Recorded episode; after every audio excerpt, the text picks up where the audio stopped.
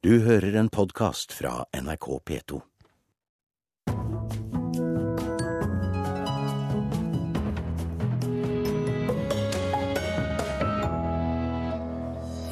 Barn i fosterhjem holder kontakt med foreldre på Facebook. Det skaper problem for fosterhjemsfamilier og kan bli belastende for barna.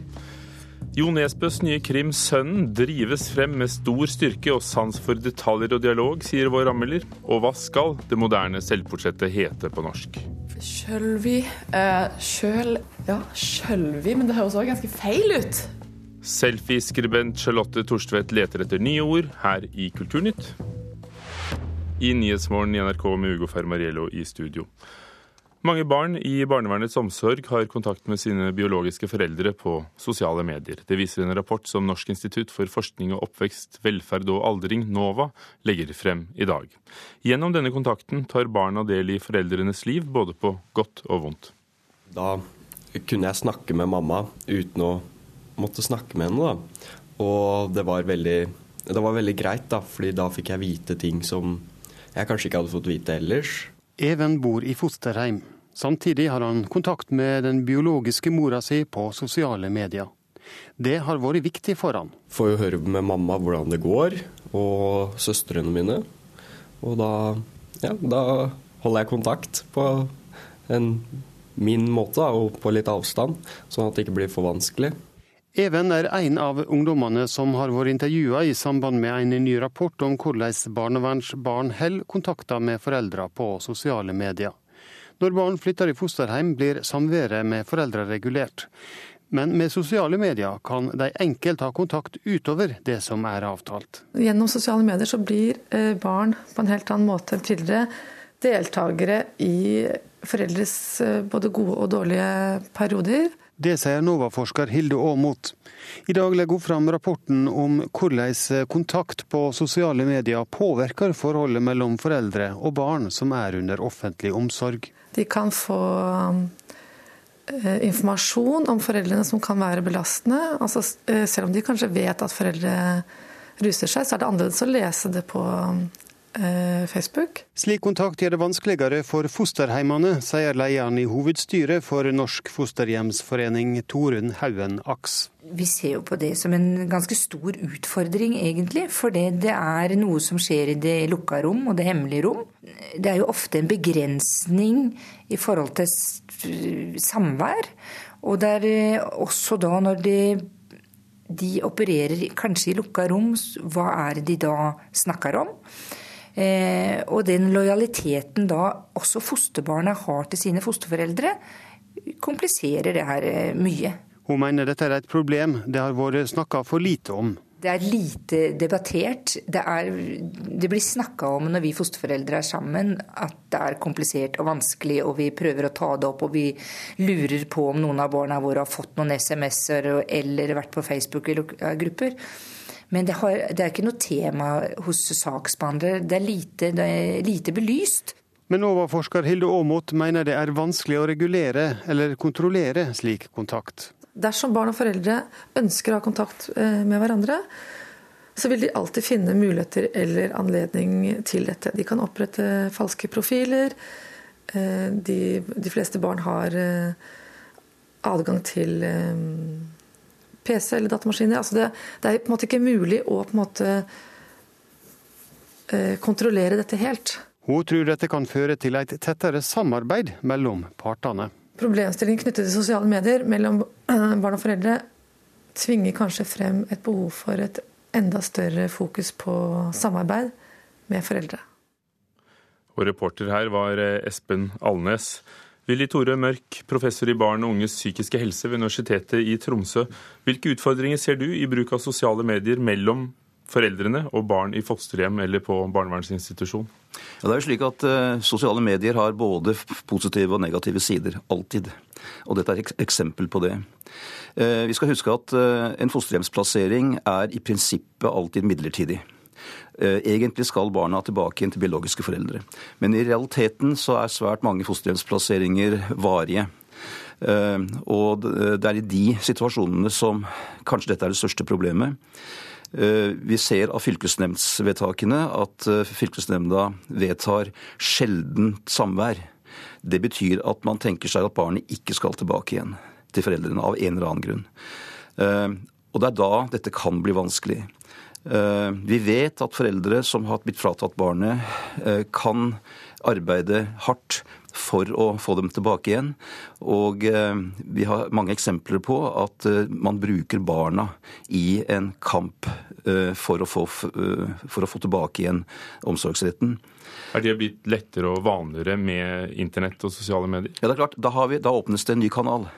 Sant? Nemlig en kanal som også er skjult. En kanal som ikke fosterforeldrene vet om, eh, og heller ikke barnevernet vet om. Og eh, vi har et stort problem i Norge i dag, også av prinsipiell art, nemlig det at fosterhjem har tendens til å gå i oppløsning. Jeg tror det er ca. 40% av fosterhjem i Norge som går i oppløsning. Og det at barna da kan bli en, en, kanal inn fra de biologiske foreldrene eh, inn mot fosterfamilien, ved at, eh, at biologiske foreldre da eh, bruker barna i, i kampen sin, kanskje planter holdninger om fosterforeldrene i barna sine, det kan føre til ytterligere sprekk av fosterhjem. Det er en veldig, veldig alvorlig situasjon. I hvilke tilfeller kan det være en god ting at barn og deres biologiske foreldre holder kontakt? Ja, Det er de gangene da eh, fylkesnemnda har sett det slik, og barnevernet har sett det slik at denne plasseringen i fosterhjem faktisk er midlertidig. Og det ser vi ved hvor mange Eh, samvær fylkesnemnda vedtar. Ofte samvær innebærer at man tenker seg at barnet skal tilbake igjen. Samvær er for barnets skyld, det er for at barnet skal kunne opprettholde kontakten med foreldrene sine. I de situasjonene så er det så klart mye mindre problematisk at det også har, har kontakt på, på sosiale medier. Men hvis barnet ønsker kontakt med sine biologiske foreldre, f.eks. For på Facebook, men ikke får lov av fosterforeldrene, hvem skal bestemme? Ja, eh, eh, det er slik at eh, barn skal ha større og større rettigheter knyttet til å bestemme over sin egen livssituasjon selv, jo eldre det blir. Og det avgjør også denne, eh, denne, avgjørelsen her. Men det er bare det at i en barnevernssak hvor barna har vært i skadelig omsorg, det er jo grunnen til at de er plassert i fosterhjem, så er det også slik at det er restriksjoner på kontakt. Og det som i hvert fall er veldig viktig, det er det at det er åpenhet rundt det. At fosterforeldrene vet at de har kontakt, at barnevernet vet at de har kontakt, og at det snakkes om disse tingene både mellom fosterforeldre og barna, og barne, barnevernet og barna. Men Bør det også en strengere regulering til? Hvordan, hvordan kan eh, større åpenhet eh, alltid begrense skadevirkningene? Ja, du vet at uh, Vi kunne tenke seg at fylkesnemnda også vedtar regulering av uh, kontakt på sosiale medier. Men så hørte vi også da i reportasjen i dag at det er så veldig veldig vanskelig å kontrollere det. Uh, men det er en idé kanskje at dette bringes opp i fylkesnemnda, at dette snakkes om der, og kanskje fattes et vedtak om at det skal være begrenset adgang gjennom sosiale medier. Takk skal du ha, Willy Tore Mørk, professor i barn og unges psykiske helse ved Universitetet i Tromsø, for at du kom til Kulturnytt.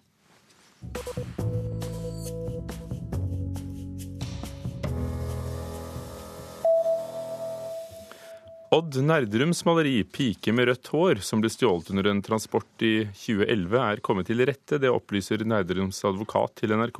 Han sier at han ikke vet hvor maleriet har befunnet seg, eller hvem som har stjålet det. Maleriet er nå hos politiet og inngår i etterforskningen i en pågående straffesak, skriver VG. Den russiske statskomité for TV- og radiosendere har besluttet å fjerne det 160 meter høye Sjukov-tårnet i Moskva, også kalt Russlands svar på Eiffeltårnet, skriver danske Politikken i dag. Arkitekter i mange land har engasjert seg for å bevare tårnet, som de mener er et enestående eksempel på modernistisk ingeniørkunst. En gruppe arkitekter arbeider nå for å bevare det elegante metalltårnet fra 1922 og har sendt brev til Putin der de foreslår at tårnet bør restaureres, men ikke rives.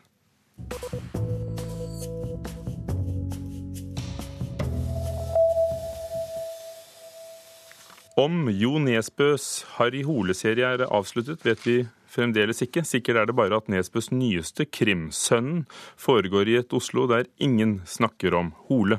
Spennende blir det allikevel, skal vi tro vår anmelder Leif Ekle. Vi kan jo starte med det åpenbare. Jo Nesbø kan dette. Å skrive thrillere med politiromanelementer, eller omvendt. Han vet også hvordan han skal ta tak i relevant samfunnsproblematikk og bake den inn i romanstoffet på en måte som lar den forbli interessant for leseren. Jeg hadde nær sagt underholdningsverdien til tross. Rammen er gode, gamle Oslo, en by Nesbø alltid har skrevet godt om, i de fleste betydninger av ordet godt. Historien er i og for seg en slektning av det stoffet som ligger under de senere Harry Hole-bøkene, uten at det forstyrrer leseren nevneverdig korrupsjon i politiet. Et sted der inne i politi- og tjenestemannslovens domener fantes det en muldvarp. For tolv år siden tilsto han i et selvmordsbrev. Sønnen hans, Sonny, sitter i det nye høysikkerhetsfengselet i Oslo. Konstant ruset på heroin og soner flere drap. En spesiell og buddha-aktig type, som blant medfangene har ry for spesielle evner. En lytter av rang og forvalter av tilgivelse og sinnsro. Men er det virkelig han som har begått drapene han sitter der for? Ute, i det ikke-synlige Oslo, rår den samme bakmannen som da muldvarpen forsvant. Vår helt i politiet heter Simon Kefas. Han er pensjonen en gang kollega og venn av muldvarpen. Han får en assistent, Kari Adel. På handlingsnivå er Sønnen altså ikke ei spesielt original bok, i den forstand at historier som ligger denne nær er skrevet før, også av Nesbø selv og i amerikansk orientert thrillerlitteratur. Poenget er imidlertid at Nesbø sjelden bedriver venstrehåndsarbeid. Når utgangspunktet er satt og fortellingen har fått sitt tempo, blir den drevet framover med stor styrke og en usvikelig sans for detalj, dialog og for hvor brekk og sceneskifter bør befinne seg. Det blir veldig enkelt sagt spennende lesning. Samtidig eier også sønnen et av de viktigste særtrekkene ved Jo Nesbøs bøker, nemlig et fravær av likegyldighet og selvfølgelighet overfor stoffet og det samfunnet det henter liv fra. Leseren tviler aldri på Nesbøs engasjement og sympati for de som utgjør bunnsjiktet i velstandslandet. Livet på gatene, i hospitsene og under broene er virkelighet, også i Sønnen. Det er verdt å legge merke til at også denne boka, som politi, har et tydeligere amerikansk preg i tilnærming og skrivemåte. Kanskje er det snakk om tilpasning til det stadig større markedet Nesbø nå er en del av. Eksempel når han lar virkelighetens realiteter fare et øyeblikk, og lar byrådet i Oslo ha innflytelse på politiets interne prosedyrer, som han gjorde det i Politi. Det refereres til den utsøkte TV-serien The Wire, og scenen tidlig i boka der Simon Kefas så å si på stående fot regner ut hvor skytteren må ha stått for å treffe sitt offer på akkurat den måten, den scenen har vi nærmest sett før i The Wire, og jeg tror det skal leses som en hilsen til hatten. Sønnen blir neppe stående som en merkestein i Nesbøs forfatterskap, men solid håndverk, et språk som bare sjelden blir litt for mye, og overraskende vendinger gjør den til engasjerende spenningslitteratur. Leif Ekle om Jo Nesbøs Sønnen. Klokken er passert 16 minutter over åtte. Overskriften i Nyhetsmorgen i dag. USA planlegger å sende soldater til de baltiske statene. Samtidig fordømmer USA det som blir kalt en russisk annektering av Krimhalvøya. Det skal bli slutt på at private parkeringsselskaper skal kunne ta store bøter for små forglemmelser. Samferdselsministeren vil ha statlig regulering av alle parkeringsbøter. Synnøve Finden hevder at de er helnorske, men sender ost til Tyskland og Irland som kommer tilbake som burgerost. Selskapet svarer at osten ikke selges som et Synnøve Finden-produkt. Og senere i Kulturnytt anmelder vi Mette Tronvolds portretter av dronning Sonja. Det ble årets nyord i Oxford-ordboken i England, og Obama gjorde det i Mandelas begravelse. Ordet for at man tar et bilde av seg selv, gjerne med en smarttelefon, er hyppig brukt, men det norske alternativet til det engelske selfie lar vente på seg. Da snur jeg den, okay. så kan du få lov okay, okay. Sånn. Veldig fint. Ja, men Syns du det er en god selfie, liksom? Ja, jeg likte den ganske godt, jeg. Ja. Den var litt morsom. Det her har blitt populært de siste årene. Man tar et bilde av seg selv med en smarttelefon, og legger det gjerne ut på nett etterpå. Ordet selfie er dermed hyppig brukt, men hva skal vi kalle det på norsk? Charlotte Torstvedt, som i fjor kom ut med boka 'Selfie', er usikker på hva som kunne vært et norskt alternativ. Sjølvi eh, Sjøl Ja, sjølvi, men det høres òg ganske feil ut. Jeg vet ikke. Selvi Nei. Selfie ble kåra til årets nyord av Oxford Dictionary i fjor. Begrepet inntok for alvor dagligtalen da Barack Obama tok en selfie med andre statsledere i begravelsen til Nelson Mandela. Nå senest under Oscar-utdelinga ble selfien til et knippe Hollywood-stjerna den store snakkisen. Fra Språkrådets side så kunne vi gjerne tenke oss at vi også eh, tenkte på et norsk ord for selfie sier Daniel Ims i Språkrådet. Slik rådet har lansert emneknagg som en norsk variant til hashtag og strømming til streaming, jobber de nå for å finne norske alternativer til selfie. Den assosiasjonen en ofte gjør på engelsk f.eks. med selfie, selfish, vil en jo ikke få eh, på norsk på samme måten. Men eh, det vi har sett, er jo at en del har bruke andre ord som sjølis, altså enten sjølvis eller selvis. Magasinet StyleMag er et magasin retta mot unge jenter, og tematikken rundt selfie-fenomenet er interessant for bladet. Blogger og redaktør Celine Aagaard mener at ordene i mange tilfeller godt kan forbli engelsk. Jeg syns det på en måte er mye verre når det er norske ord som vi har fra før av, og så skal man prøve å måte bruke mer det engelske. Men her er det liksom blitt et begrep, så akkurat i dette tilfellet så syns jeg det er helt greit at det, det kan hete en det kan hete en, en eller ett selfie. Som de også gjør med andre nye ord og uttrykk, kommer Språkrådet framover til å følge utviklinga av selfie på norsk. Og uansett om det blir hetende selfie, sjølvis eller noe annet, vil det ta tid før begrepet blir offisielt, forklarer Ims. Det bør ta litt tid før et helt nytt ord kommer inn i ordbøkene, da, for å se om om det er et ord som, som fester seg i språket, eller om det er ei døgnflue. Og hvorvidt selfie-begrepet faktisk kommer til å forsvinne, er usikkert. Men eh, sjansen for at det forsvinner med det første, tror Torstvedt er heller liten. Vanskelig å se inn i krystallkula, men jeg tror nok det har kommet til å bli for en stund. Det virker ikke å vise noe tegn til at eh, folk skal komme til å begynne å ta mindre selfies, akkurat. Charlotte Torstvedt til reporter Runa Rød.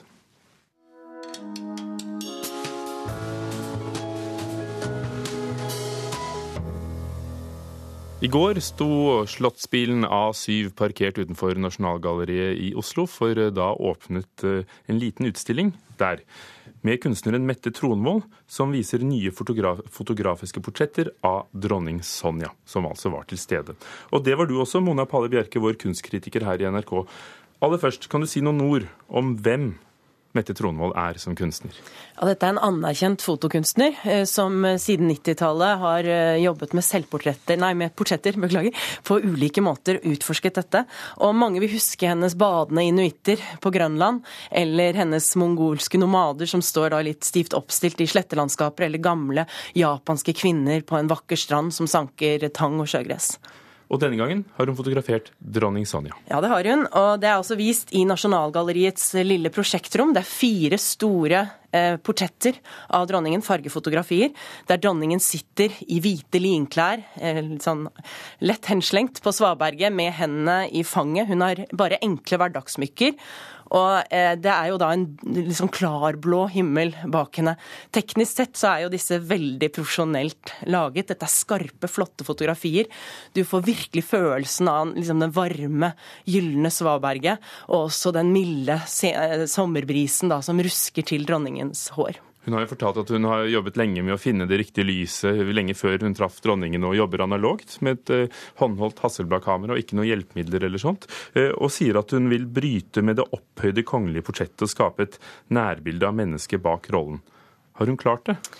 Nei, jeg syns ikke hun har klart det. Selv om dette selvfølgelig er et mye mindre formelt portrett enn de offisielle portrettene som henger i ambassader og på slott og sånn, så, eh, så, og hun er i fritidsantrekk, så har hun dette hva skal jeg si, litt lukkede, litt utilnærmelige halvsmilet hele tiden, som gjør at vi får ikke noe særlig innblikk i hva som skjer eh, på baksiden. Så det blir ikke som den amerikanske eh, fotografen Richard Avedon, som klarte i et upaktet øyeblikk å ta bilde av Marilyn Monroe, slik at man ser da den ensomme fortvilelsen i divaens blikk. Vi kommer ikke bak masken på en slik måte her.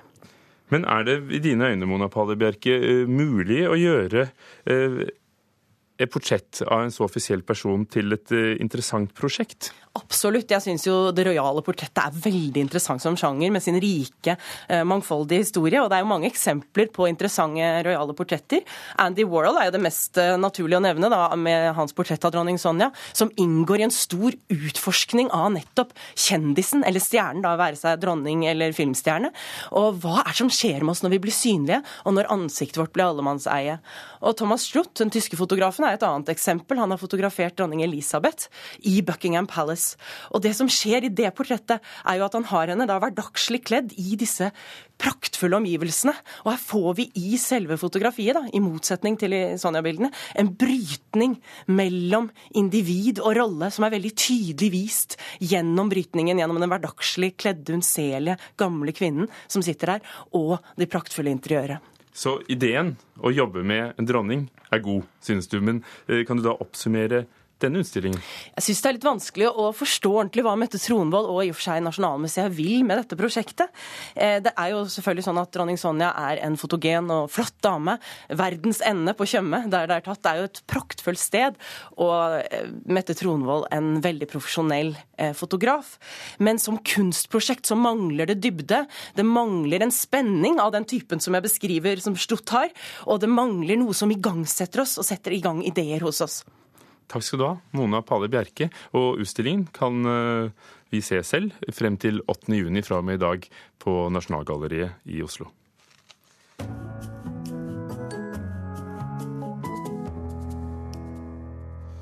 Denne uken blir skjebnen til et av landets mest særpregede industribygg avgjort. Det er planer om å rive Furs fem 1400 kvadratmeter store vinkjeller i Grimstad og bygger leiligheter på tomten. I ellevte time grep Riksantikvaren inn i fjor høst og krevde muligheten for bevaring nærmere utredet. Riksantikvaren mener bygningen er uten sidestykke i norsk sammenheng, men har eh, vært usikker på husets tekniske tilstand. Det er jo et unikt stykke industrihistorie, det hele.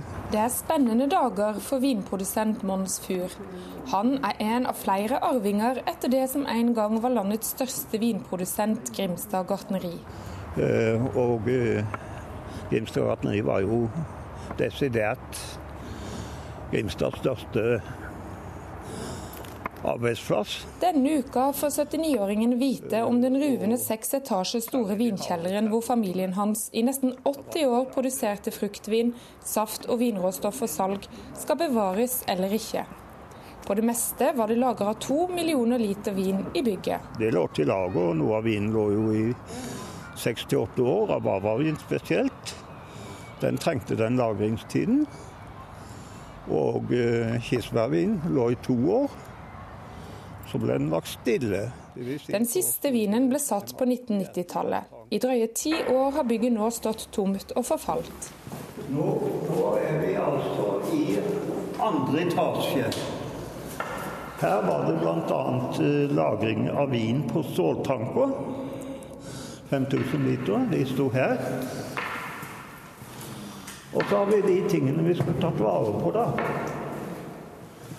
Men eh, de står her inne. Og det er jo trist å se, da. Etter hvert som de brøt seg inn, som dere kan se, så tok hærverkstrangen overhånd. Og da de hadde stjålet de siste flaskene med vin, som sagt, som sto her, fordi så var det bare å rote og hærverk. Det er så det kjennes. Både interiørmessig og eksteriørmessig. Entreprenøren Kruse Smith har planer om å rive betongbygget og bygge tre boligblokker på den attraktive tomta som ligger rett utenfor Grimstad sentrum. I fjor høst la Riksantikvaren ned midlertidig forbud mot riving. Riksantikvaren mener vinkjelleren representerer store kulturverdier nasjonalt og lokalt, og krevde muligheten for bevaring nærmere utreda. Denne uka kommer svaret. Det er ingen tvil om at ikke denne delen vi ser her, kan brukes som bibliotek gjennom fem etasjer med god plass. Og denne bygningen er jo også solid bygget. Og velegnet eh, sted for det. Tørt er det, og fint. Men eh, resten av bygningen kan brukes som leiligheter, kontorer, delvis museum og en restaurant. Også hos entreprenøren Kruse Smith er de spent på utfallet, og er glad det nå kommer en endelig avklaring. Oxford Smith har jo jobba med utvikling av dette området lenge, og er klar til å videreføre de planene som ligger. Vi syns det er et godt boligområde og har eh, lyst til å komme oss videre. Sier Rune Berntsen, leder for Kruse Smith Eiendom i sør. Hvis Riksantikvaren kommer til en konklusjon at de ønsker å, å ta vare på det, så eh, må vi se hva som, hva, hva, hva som, ligger i den tilbakemeldingen fra Riksantikvaren, før vi kan eh, eh ta stilling til hva vi ønsker å gjøre videre. Og Riksantikvaren har altså gått gjennom en teknisk utredning av vindkjelleren, og vil torsdag eller fredag denne uken si om eh, bygningen kan bevares eller rives. Reporter var Miriam Grov. Norsk dokumentarfilm opplever en ny gullalder på kino, skriver Aftenposten i dag. Det er bl.a. dokumentaren 'Søsken til evig tid' som nevnes som ble en av fjorårets kinosuksesser med et billettsalg på 41 000. Noe av dokumentarsuksessen forklares ved at kinogjengere deler sin begeistring for filmene gjennom sosiale medier. I dag starter filmfestivalen Eurodukk i Oslo med tolv norske dokumentarer på programmet. Det var Kulturnytt, hvor teknisk ansvarlig har vært Beate Haugtrø, produsent Gjermund Jappé og programleder Ugo Fermariello. Klokken nærmer seg halv ni. Du hører på Nyhetsmorgen i NRK, men først noen ord om hva som skjer senere i radioen.